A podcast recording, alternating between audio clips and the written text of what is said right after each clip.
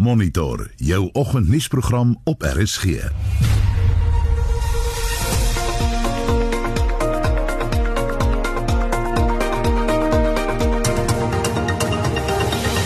In volgens se program 'n nasionale biddag word aangekondig en maatreëls verslap.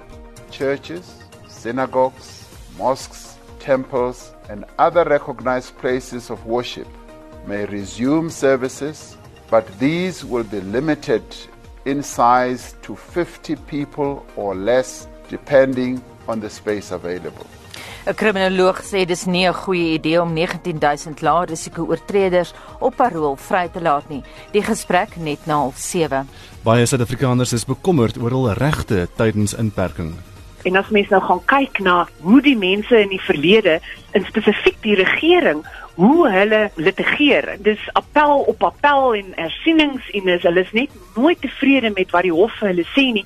Is ons nogal bekommerd want ek dink dis tot nadeel van elke liewe burger van hierdie land. Ons praat net na die 7 uur nuus met 'n regskenner. En sport kom oor see stadig maar seker aan die gang. Baie welkom by Monitor. My naam is Anita Visser. En ek is Koos van Vreiding. Goeiemôre. Dis nou 13 minute oor 6 jy luister na Monitor op RSG en 'n oorsig van die koerant voorblaaie op Woensdag 27 Mei.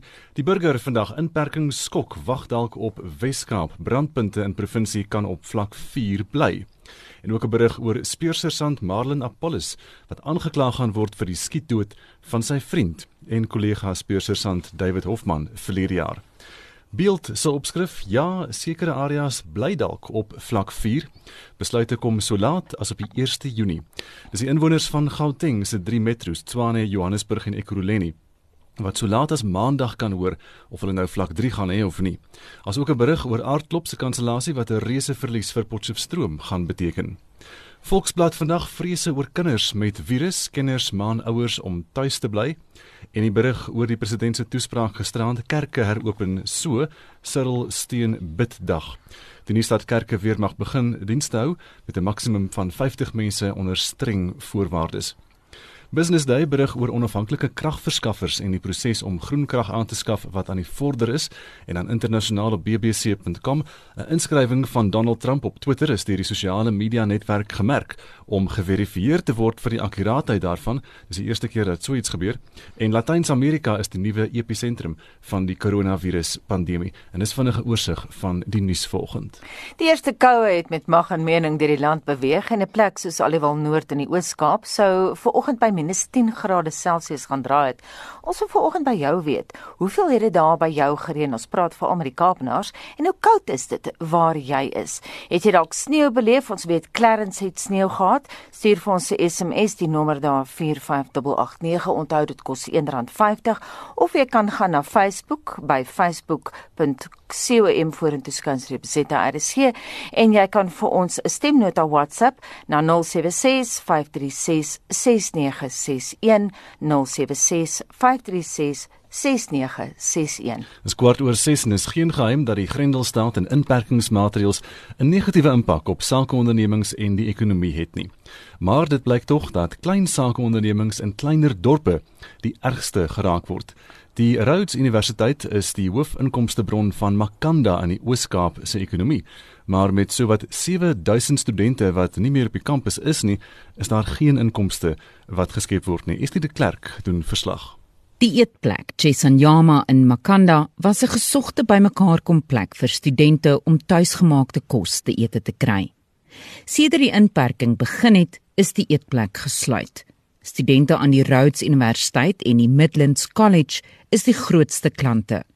Die eienaar, Simpiwe Kaku, sê dinge gaan moeilik. We did try to do deliveries. Two Fridays back, the president announced the introduction of level four, which means restaurants can open, but they can only do deliveries, as you say. But look, it's very different. You do two, three deliveries a day. You spend about 300 rands on electricity. Then at the end of the day, you go home with 120 rands. So it's a lot of loss. Klein wegneem ete ondernemings word die ergste weens COVID-19 se inperkingsmaatreëls geraak. Sommige het al deure vir goed gesluit. Makanda se munisipale burgemeester, Mzikize Mpathlawa, sê dit is 'n tragedie. If the business can't operate, then it means you can't get the revenue. And if you can't get the revenue, then it means you can't be able to deliver the services. For example, we've been having a, a collection rate of 75% before the lockdown. In April alone, it went down to 55%. So we lost a lot of revenue from the business because of the lockdown. Whilst you are expected to deliver the services at 100%, people are not employed and then means more people are not employed. It means more people are hungry. So whilst you have to deal with the businesses that are losing out financially, you also have to deal with a municipality that does not have the resources. Verskeie groter sakeondernemings verskaf sake vernuf aan kleiner ondernemings oor hoe om in krisistye aan te pas. Die voorsitter van die Makanda Sirkel vir eenheid vir plaaslike ondernemings, Graham Holmes, sê hulle beste raad is vir ondernemings om van mekaar te leer. What I found observing different businesses in town, some have reacted very quickly. You know, so some businesses have been able to transform themselves and be able to not thrive, but certainly get through this very tough time. But uh, many people are really battling to adapt to this new way of business. We, you know, pre-COVID, the old normal, we're not going back there. And so it's very important that businesses are able to draw upon others and have the, you know, the necessary information.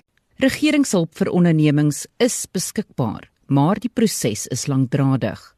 Die plaaslike Makanda munisipaliteit het hulp verleen aan 60 Spaza winkels en klein sakeondernemings. Die verslag is saamgestel deur Kim Daniels in Makanda en ek is Estie de Klerk vir SAK nuus. Die Gautengse regering berei voor vir COVID-19 groepuitbrekings wat verwag word wanneer meer sektore van die ekonomie volgende week Maandag heropen. Die soort uitbrekings gebeur reeds in Ekurhuleni en die Wesrand. In Ekurhuleni het 47 werkers in een fabriek positief vir COVID-19 getoets, terwyl daar in 'n myngebied aan die Wesrand ook heelwat gevalle aangemeld is. 164 werkers by die Anglo Gold Ashanti Mponeng myn in Carltonville het positief getoets. Die stad Ekurhuleni is 'n nuwe COVID-19 brandpunt. Dit het die tweede hoogste aantal getalle en sterftes in Gauteng na die stad Johannesburg. Maar die Gautengse gesondheids-ALR Bandile Masuku sê die provinsie hanteer die groep uitbrekings 'n situasie waar mense 'n gemeenskaplike ervaring deel of in dieselfde geografiese gebied is en mekaar aansteek. Masuku reken dit kon bygedra tot die ritsinfeksies in Ekurhuleni. The area where the origin of most of the infections are, the place uh, which is an industrial place, is located in Centurion, and the most of these employees are coming from that uh, particular uh, factory. The most of them they are residing at Tembisa, Ivory Park, and part of Deep Slope. Die verwagting is dat meer firmas en fabrieke wat maandag op vlak 3 begin sake doen, die regering onder groter druk sal plaas om die verspreiding van die virus te beperk. We are worried about it, but the important thing about it is that we need to enforce the regulations in terms of hygiene and in terms of social distancing. We will be working with the Department of Labour to ascertain that all these factories or companies they do adhere to the principles of social distancing and also the regulations on hygiene. Van groter kommer is die hoë aantal infeksies in die myngebied aan die Wesrand waar 164 werkers by Anglo Gold Ashanti Mponeng myn in Carltonville positief is. Masuku sê hy beplan om vandag met die mynhuise te vergader om te bepaal hoe dit bestuur sal word. Been planning to meet with them since last week, and the meeting was scheduled and penned down for tomorrow, where we will be receiving presentations from the different mining houses on the regulations and the, how they, they are adhering to the regulations for the lockdown and also the hygiene and social distance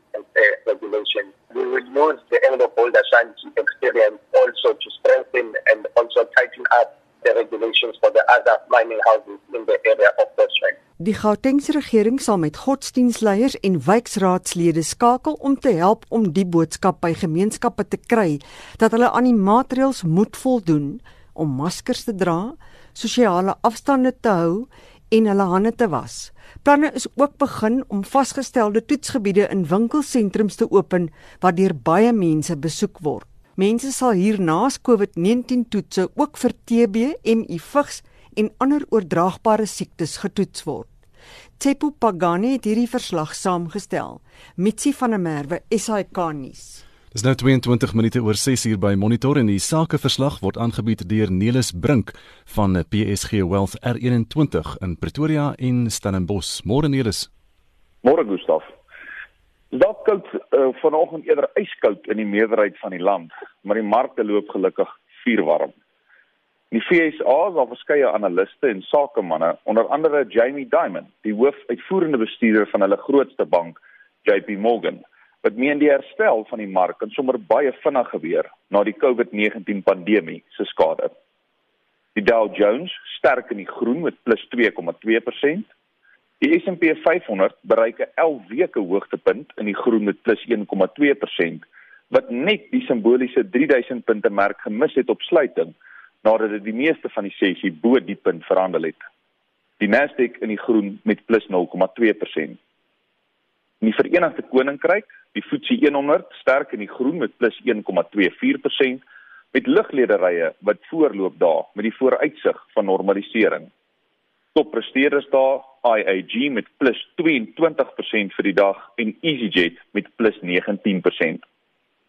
Die Deutsche DAX verder in die groen met plus 1% met een van die toppresteerders steeds hulle nasionale lugledery Lufthansa met 'n verdere 6.5% nadat die regering 'n 10 miljard dollar verligtingpakket goedkeur. In Suid-Afrika het ons na 'n sterk dag op Johannesburg se aandelebeurs in die groen gesluit met plus 1%. Die finansiële sektor het die voortou geneem daar met 5.75% op vanweë sterk prestasies vanaf die banke. Meer as 8% op vir Standard Bank en Nedbank en meer as 7% vir Capitec en RMB. Die verloorders vir die dag was DRD Gold met -7.5% en Harmony Gold met -5.6%, soos wat die meeste mense begin uit goud uitklim. In die ooste, nuwe dreigemente van sanksies vanaf die VSA teen China omrede die Hong Kong demokratiese protesoptogte het die Hang Seng in die rooi gedruk met -0.5%. Die Japaneese Nikkei het sywaarts verhandel en die Australiese ASX in die groen met 0,5%. Oor na kommoditeite, die goud is verder af na 1708 dollar per fyn ons, platinum af na 829 dollar per ons. Brent 3 olie hou net onder 36 dollar per vat. Wisselkoerse verdere versterking in die rand as ook 'n terugsak in die dollar het 'n mooi prentjie vir die Suid-Afrikaners geskep. Met die rand dollar versterk na R17.38, rand euro R19.05 en die rand pond R21.42. Die dollar het effe teruggesak teen die euro met 1 $1.10 nou vir 'n euro. daarmee groet ek julle tot môre. Sit op julle maskers en onthou tyd in die mark, goeie sukses. Dankie Gustaf. En dit was dan die sakeverslag aangebied deur Nelis Brink van PSG Wealth R21 in Pretoria en Stellenbosch. Jy luister na Monitor elke weekoggend tussen 6 en 8. In die volgende halfuur van Monitor die DA bevraagteken die geloofwaardigheid van die inperkingsvlakke. 'n Nasionale biddag vir Suid-Afrika word aangekondig. En 'n kriminoloog sê dis nie 'n goeie idee om 19000 lae risiko oortreders op parol vry te laat nie. Bly ingeskakel. Dis 28 minute voor 7 hier op monitor en kom ons oor by Vincent. Hoe koud almal kry vanmôre, Vincent? Gustav, lyk my dis baie koud hierso. Ehm um, Louis Wessel sê hy kan nie eers die verwarmer aanskakel nie want hy gebruik elektrisiteit en het nog nie UIF ontvang nie maar hy sal maar die kou moet trotseer totdat hy kooi toe gaan met sy warm watersak. Dan Stefanus Mannewiek sê dis lekker koud hier op Duiselsdorp. Ehm um, die reën het onmiddellik uitgesak, swaar sneeu neerslaa lê op die Swartberg sê Stefanus. En dan sê Rosel Crawford van Nysna af, Nysna George sneeu op die berge. Dis vriesend koud hier sê sy. En dan sê Callie Baans van Woester af sê Woester so 20 mm reën gekry met 'n ligte sneeu op die berge. Hoop ons het 'n laaste um goeie winterreën en sneeu hierdie jaar, veral na die depressie van die inperking en die laaste paar jaar se droogtes. Dan Jack Waterboer Waterboer sê Strydenburg het geen reën en sneeu nie. Ons kry net koud, sê Jack. En hy sê aan Kilian, dis vrek koud, dankie. Douglas is glad nie skaam vir ekstreme temperature nie. Niks reën nie, maar gelukkig ook nie sneeu nie, sê Ann Kilian. Nou ons wil vanoggend ons luisteraars weet, ehm um, hoe koud by hulle is, hoeveel het dit daar by gereën en hoe koud is dit waar jy is? Het jy dalk sneeu beleef soos in Clarence in die Vrystaat? Nou ons wil by jou weet, so stuur vir ons jou boodskap. Ja, ons SMS nommer is 45889. SMS kos R1.50 of jy kan jou mening met ons deel op ons Facebook bladsy. Jy vind ons by facebook.com vorentoe skynstreep ZRSG. Jy kan ook gerus 'n stemnota stuur. Onthou om hom so 30 sekondes te hou en daardie nommer is 076 536 6961. En van die koue na die sport, hier is Shaun Jooste met vanoggend se sportnuus. Rugby nuus. Volgens berigte uit Australië wil Nieu-Seeland en Aussie Super Rugby spelers 'n nuwe kompetisie tussen die twee lande se nege franchises hê, met die Western Force wat ook terugkeer en 'n span uit die Suidsee eilande wat ook verwelkom word. Daar is egter geen plek in die voorgestelde Super Rugby kompetisie vir spanne uit Suid-Afrika, Argentinië of Japan nie. Volgens die berigte was die Aussie Michael Hooper en die nuwe All Black kaptein Sam Cane deel van die gesprek tussen spelers. Motorsport. Die direkteur van Silverstone, Stuart Pringle, sê die renbaan in Engeland is gereed om twee agtereenvolgende Formule 1 wedrenne aan te bied afhangende van die regering se besluit rondom kwarantaineperiodes. Die Formule 1 seisoen word vroeg in Julie in Oostenryk hervat met twee agtereenvolgende naweke se aksie wat voorlê. Die Britse Grand Prix is vir 19 Julie geskeduleer, maar as spanne vir 2 weke in afsondering geplaas moet word, sal die wedren nie voor Augustus moontlik wees nie. 'n Besluit oor Britse kwarantaineperiodes word op 8 Junie verwag en dit is meer as net Formule 1 wat geraak kan word. Tennis. 'n Tweemalige Wimbledon wenner, die Tsjeeg Petra Kvitova, verkies dat Grand Slam toernooie eerder gekanselleer word voor dit sonder toeskouers gespeel word. Die 30-jarige Kvitova neem hierdie week aan 'n toernooi in die Tsjechiese Republiek deel wat uit 16 plaaslike mans en vroue spelers bestaan. Die toernooi vind agter geslote deure plaas. Die wêreldnommer 3 vroue speler, Karolina Pliskova, het weens 'n besering onttrek en die nommer 18 Marketa Vondrousova skryf eksamen. Kvitova is nommer 12 in die wêreld. Wimbledon is vir die eerste keer sedert die Tweede Wêreldoorlog gekanselleer. Die Franse Ope is tot September en Oktober uitgestel en die Amerikaanse Ope is ook in gedrang. Alle ATP, WTA en ITF toernooie is tot middel Julie opgeskort. En laastens in sokkernuus. In gisteraand se Bundesliga wedstryd het Borussia Dortmund 1-0 teen Bayern München verloor. München is nou 7 punte voor. Bayer Leverkusen is met 4-1 deur Wolfsburg verneder in die wedstryd tussen Werder Bremen en Borussia Mönchengladbach en Eintracht Frankfurt en Freiburg het 0-1 en 3-1 gelykop geëindig. Shaun Schuster, SAK Sport.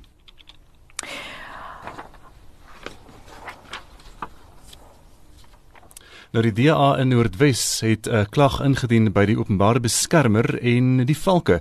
Die klag handel oor beweerde onreëlmatige aanstellings en tenderprosesse in die plaaslike wetgewer. Die party beweer die wetgewer se uitvoerende finansiële hoof en die tesouriese bestuurder is sonder die nodige kwalifikasies aangestel. Maar eers 'n ander storie op 8 Mei vanjaar het president Ramaphosa aangekondig dat 19000 lae-risiko oortreders op parol vrygelaat sal word wat die gevangenisbevolking in die land met 12% sal sny. Professor Christian Besuidnout van die Universiteit van Pretoria se departement maatskaplike werk en kriminologie glo egter dis nie 'n goeie idee nie. Ons praat ver oggend met hom om uit te vind hoekom hy so voel. Goeiemôre Christian. Goeiemôre Anita. Hoekom dink jy so? Hoekom dink jy dis nie 'n goeie idee nie? Wel, ek as jy mooi terugdink, die korrektiewe dienste ook aangekondig, weet ons het so 243 korrektiewe fasiliteite in Suid-Afrika waarvan 157 nie vol is nie. Daar's plek, daar's kapasiteit volgens die staat. En daar's baie geboue, staatsgeboue wat leeg staan. So as hierdie nie hoë risiko gevangenes is nie, hoekom sal hulle nou vrylaat op die straat? Daar daar is tans geweldige druk, daar's groot werkloosheid. Ons is weer na rommelstatus nog een vlak af eh, weet geëvalueer. So nou sit jy hierdie mense terug in die straat in en die terugvalsyfer van baie van ons gevangenes in sekere kategorieë is 94%. So die, die as jy die hele pakket saamvat, is daar net te veel veranderlikes wat hierdie mense ongelukkig weer gaan dwing om terug te val in misdaad. So ek voel daar's ander kapasiteit en en die polisie het baie hard gewerk eerstens om hierdie mense te arresteer en nommer 2 die staatsanklaers wat hierdie proses moes hanteer. So ek dink die hele pakket klink net nie vir my reg nie. Ek dink daar's baie meer goed wat ons met hierdie mense kan doen en dan probeer rehabiliteer. Christian kritiseer van wat jy sê. So sê ja, maar hierdie misdadigers is lae risiko. Ja, mense sou sê lae risiko, maar jy weet soos ek nou sê, daar's nie werksgeleenthede vir die mense daar buite nie. Ek is baie bekommerd oor da, weet oor dit spesifiek. Ehm um, en weet lae risiko gevangenes as jy nie werk het nie, as jy desperaat is, desperaat is 'n groot motiveerder. En as jy eendag weggekom het en uh, met 'n 'n misdryf dan is die kans goed dat jy weer gaan oortree. En ek voel net my dit is my opinie dat jy jy skuldig gevind. Jy deur die hele proses dit is hoekom jy 'n misdadiger in 'n korrektiewe fasiliteit is. Jy sal jou volgens my jou termyn moet klaarmaak. Want anders as ons hierdie mense uitvat hulle is nie ek voel hulle is nie deur die hele proses van restoratiewe geregtigheid nie en hulle is nie gerehabiliteer nie. So ek voel ek ek voel dis onregverdig teenoor die slagoffer.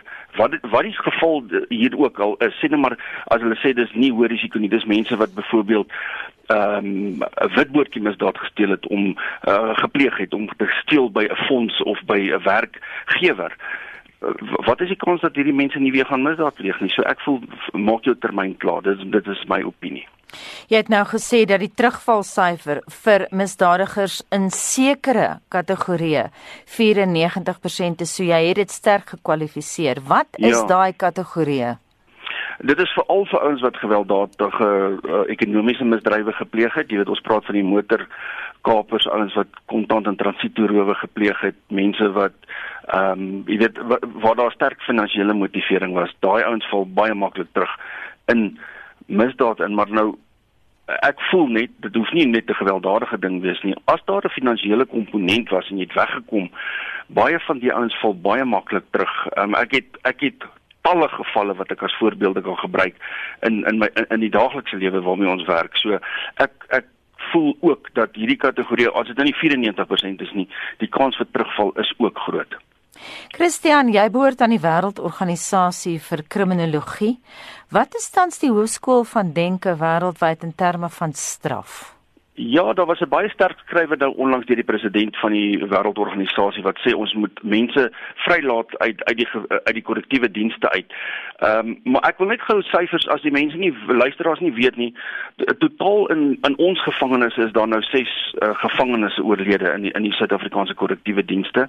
Nou weet as jy die totaal vat is daar 746 mense geïdentifiseer waarvan 264 ehm um, beamptes is en 482 gevangenes. Nou daai syfer is laag as jy ons 160 000 gevangenes vat plus die mense wat in verhoor afwagting sit plus ouens wat tans nog in polisieselle sit. Ehm um, maar die wêreldorganisasie het het 'n sterk skrywe gerig aan al die lede en gesê ons moet ons regerings probeer beïnvloed om mense vry te laat. Nou oor die die die sosiale afstand wat ge, wat gehou moet word. Nou party lande luister daarna, party sê nee, dis ons gaan nie daarna luister nie want ehm um, hierdie ouens is gevangenes, hulle moet hulle rehabilitasie taal maak, hulle moet hulle gevangenestydperk klaar maak. En ek tans is die die hoërskool denke deur van hierdie mense laat vry. Byvoorbeeld ek wil net 'n Afrika land noem Zambië gaan nou net so 'n bietjie meer as 2000 mense vrylaat, maar van daai mense is homoseksuele paartjies wat gearresteer word. Zambië is byvoorbeeld 'n land wat verskriklik konservatief is ten opsigte van homoseksualiteit. Daar's baie druk op hulle om hulle denke te verander en van die paartjies wat gearresteer is vir homoseksualiteit is in hulle groepering. Hmm. Nou Me, weet so dit maak dit 'n kontroversiële aangeleentheid wat moeilik is watter tipe ouens gaan jy dan nou vrylaat uit jou groepering uit en wat is 'n lae risiko? Want mens kan nie menslike gedrag voorspel nie. Dit is basies onmoontlik om menslike gedrag te voorspel akkuraat te voorspel. Mm. so so my my mening is net ehm um, kom kom ons kry ander alternatiewe om ons gevangenes baie pragtig deur hierdie proses te vat en hulle te rehabiliteer en wat sou daai alternatiewe wees Ek het gedink, jy weet daai kapasiteit van daai geboue wat nie oorvol is van die tronke wat nie oorvol is tans nie, dis een dis een opsie. En dan soos baie staatsgeboue wat leeg staan, voel ek, um, kan kan omskep word waar hierdie mense ver genoeg uitmekaar. As die staat voel hulle is lae risiko, hoekom akkommodeer hulle nie in ander fasiliteite nie? Christian, kom ons klim vir 'n oomblik uit die COVID kassie uit. Ek wil yes. weer terugkom na my vraag. Jy behoort nou aan die Wêreldorganisasie vir Kriminologie. Ja. Ek wil weet wat is die hoofskool van denke in terme van straf of rehabilitasie want daar is twee hoofskole van denke. Daar daar's meer as twee, jy weet, wat in in terme van kom ons gaan terug in in in Suid-Afrika se geskiedenis was ons meer uh, uh, die uh, hulle praat van 'n uh, retributive met ander woorde ons was 'n vergeldende tipe strafautoriteit met jy's jy's word gestraf, word opgesluit. Ehm um, en toe dit verander. Met demokrasie het ons meer na 'n sagte benadering toe gegaan van restoratiewe geregtigheid. Ons moet mense afwend uit die stelsel, probeer rehabiliteer in plaas van arresteer en opsluit. En hierdie tipe ding het ge, nie gewerk nie. Hy het totaal en al geboomerang in Engeland, hulle na die Tweede Wêreldoorlog en ook Amerika na die Tweede Wêreldoorlog, het hulle hierdie sogenaamde welsynsbenadering, sagte benadering uh geneem. En hulle het so teen die middel 1970s het hulle agtergekom, hier's nou 'n groot probleem want dit werk nie met gewelddadige oortreders en met ernstige oortreders en met die algemene oortrederpopulasie nie en populasiesyfers het opgegaan. So Suid-Afrika sit met ons ergste tipe misdade of misdrywe en ons het hierdie welsynsbenadering, 'n sagte benadering. Hmm. En en jy weet die aardse saak baie van ons gevangenes soos ek sê een gedeelte is oorvol, ander is nie oorvol nie, maar die regering het 'n het 'n sagte uh, uh, benadering van restoratiewe geregtigheid. So kom ons herstel hierdie oortreder. En hierdie ding werk nie regtig nie. Dit is hoekom jy in Amerika hoor van zero tolerance in in in Engeland self, weet as 'n ou oortree, hy moet daai hy moet sy straf so gou as moontlik voel. In ander lande, byvoorbeeld Duitsland, Japan, het hulle 'n uh, ander tipe benadering waar hulle ouens vir kort intensiewe tydperke opsluit en maar baie goeie rehabilitasie gee en dit lyk nogal na 'n baie suksesvolle strategie.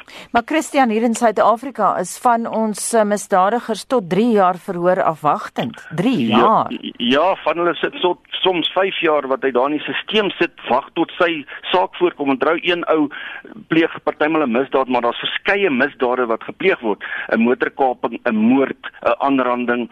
So hy moet vir al 3 daai verskillende oortredings moet hy nou eers uh, in die hof verskyn. So van 'n party ouens sit nie daar want daar word hulle soek getuienis en die, die ondersoekbeampte soek na jy weet genoeg getuienis om hof toe te neem.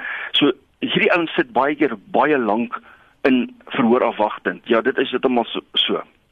Is daar kategorieë waar mense wel 'n goeie kans staan om gerehabiliteer te word? Net vir luisteraars wat pas uh, by ons aangesluit het, ek praat met professor Christian Besaidnout van die IP se departement maatskaplike werk en kriminologie.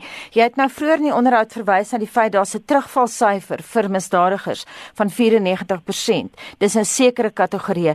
Watter kategorieë is wel suksesvol in terme van rehabilitasie? Kyk, baie keer uh, ons moet nou eers weet dis nou die groot ding met na menslike gedrag gaan kyk. Partymal pleeg iemand 'n uh, 'n uh, misdaad uit een desperaatheid, twee dit kan ons praat van impulsiewe 'n uh, uh, reaksie wat op 'n emosionele ding gebaseer is. Ehm um, jy weet as jy sommer sommer gou 'n voorbeeld vat, 'n man stap in en sy vrou is in die bed met die buurman. Daar's 'n sterk emosionele ding en ons noem dit 'n ekspressiewe misdryf. Hy het nooit misdaad gepleeg nie. Dit is 'n absolute emosionele ding. Uh, en die die kans is goed dat hy nie weer sy vrou gaan doodmaak nie want dit is nie die dit as dit nie weer met hom gebeur nie. Dit is, so dit is hoekom ek vroeër genoem het dat voorspelling van menslike gedrag is amper onmoontlik. Maar weet eerste oortreders wat uit 'n baie sterk emosionele basis uh, 'n uh, misdaad gepleeg het, iemand wat ehm um, regtig berou het. Jy weet en dit sien jy partymal die ouens sit in die hof maar daar is absoluut geen berou nie. Dit moet ons nou weer koppel aan is hulle miskien 'n psigopaat of is daar psigopatiese neigings want hulle leer nie uit vorige ervaring nie. Daai ons rehabiliteer baie sleg. En as jy om jou mooi te beantwoord, so ek sou sê die eerste oortreder, uh, daar was 'n sterk emosionele ding. Hy het verskriklik berou daaroor. Hy werk hard saam met die uh, beamptes in om te rehabiliteer in korrektiewe dienste. Die kans is goed dat hy nie weer sal terugval in misdaad nie. Jy praat nou die hele tyd van hy.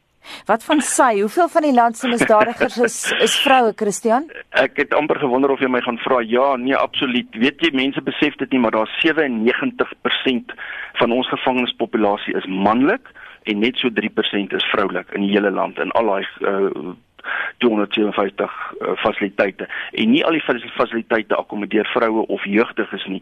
So net sekere fasiliteite in ons land akkommodeer vroue, maar is 'n absolute baie kleiner syfer. En dis hoekom ek na hy verwys omdat dit 97% hy is.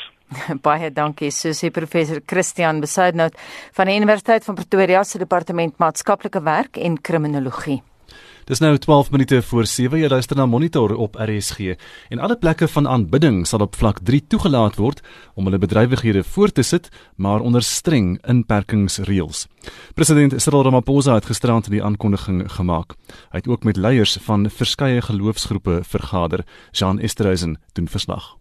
Ramaphosa sê geloofsgroepe speel 'n belangrike rol in Suid-Afrikaners se lewens tydens die COVID-19 pandemie en daarom is besluit om alle plekke van aanbidding oop te maak en geloofsbyeenkomste toe te laat. As we now prepare to move to coronavirus alert level 3 on the 1st of June, we recognize and appreciate their deep desire to return to their duties, to serve their communities and to serve society. Churches synagogues, mosques, temples, and other recognized places of worship may resume services, but these will be limited in size to 50 people or less, depending on the space available. Die president sê geloofsgroepe moet die veiligheid van gemeentelede verseker tydens byeenkomste. Social distancing will have to be observed and all worshippers and participants will have to wear face masks in line with the current regulations. All religious organizations must put protocols in place for, among other things, thoroughly cleaning and sanitizing places of worship before and after services. Our faith communities must ensure that any religious rituals that carry even the slightest possibility of exposing worshippers to risk should be avoided, and that where they form an essential part of religious practice, that sanitation is paramount. Die besluit is deur die Anglikaanse aartsbiskop Dr. Tabo Makgoba verwelkom. We welcome what the president has said with both arms. We welcome it also with uh, a sense of trepidation because of the enormous responsibility that is being placed on us. We are called to be pastors and shepherds of God's flock, and we want to care for them, and equally, we want to lay down our lives for them and for South Africa. But I agree that without the spiritual element and the prayer element in our country, South Africa is not whole. Die hoofsekretaris van die Suid-Afrikaanse Raad van Kerke, Biskop Malusi Mpumana, is ook verheug deur die besluit. All religious organizations were at one on the appeal for the availability of spiritual ministrations to the South African public in the context of the anxieties of coronavirus. And so it is not just the SACC, just about all of us were saying the same thing. 'n Nasionale biddag gaan komende Sondag gehou word, die verslag teen Tebo Mokobo in Johannesburg. Jean Estreisen SAICanis. Die minister van water en sanitasie Lindiwe Sisulu sê amptenare werk hard om die departement reg te ruk. Sy het 'n virtuele vergadering van die parlement se staande komitee oor openbare rekeninge toegespreek oor ondersoeke na onreëlmatige uitgawes in die departement en die waterrade. Skoor het gehoor dat dissiplinêre stappe geneem is teen byna 100 beamptes en dat sowat 3 miljoen rand reeds teruggevind is. Zelin Merrington het meer Die departement van water en sanitasie het verskeie ondersoeke begin om hul huis in orde te kry.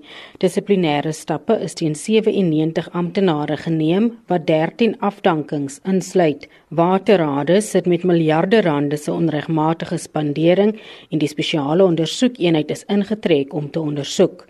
Skoor voorsitter Mkoleko Tlengwa sê te min gebeur te stadig. We are dealing here with a department that has not covered itself in any glory so far as financial management is concerned. We are not happy with the slow pace of the investigations on one hand, but the prosecutions have been moving at a snail pace. And I think that the law enforcement agencies do need to satisfy us fully that they have got their act together. It just does not augur well in that regard. Maar die minister van water en sanitasie, Lindiwe Sisulu, sê hulle probeer 'n problematiese departement regryk. I do understand the agitation of the committee, but I also want the committee to understand the enormity of the problems that we confronted and we are only dealing with the piecemeal because we have to be thorough in everything that we're doing. The fact that we're now able to present to you this report should show you just how concerned we are and how concerned we are to clean the image of the department. Sy het ook aan LPS gesê die verspreiding van watertenke reg oor die land is nie volhoubaar nie, maar voldoende om te verseker mense het toegang tot water om die verspreiding van COVID-19 te bestry. The program we have embarked on now of putting tanks in our municipalities might not be sustainable right now, but it indicates just how far behind we are with people getting the bare necessities that are constitutional right. We've rolled out 19,000 tanks that should show you that we have more than 19,000 villages out there which have had no water. That is criminal. And we've, we've just been going on.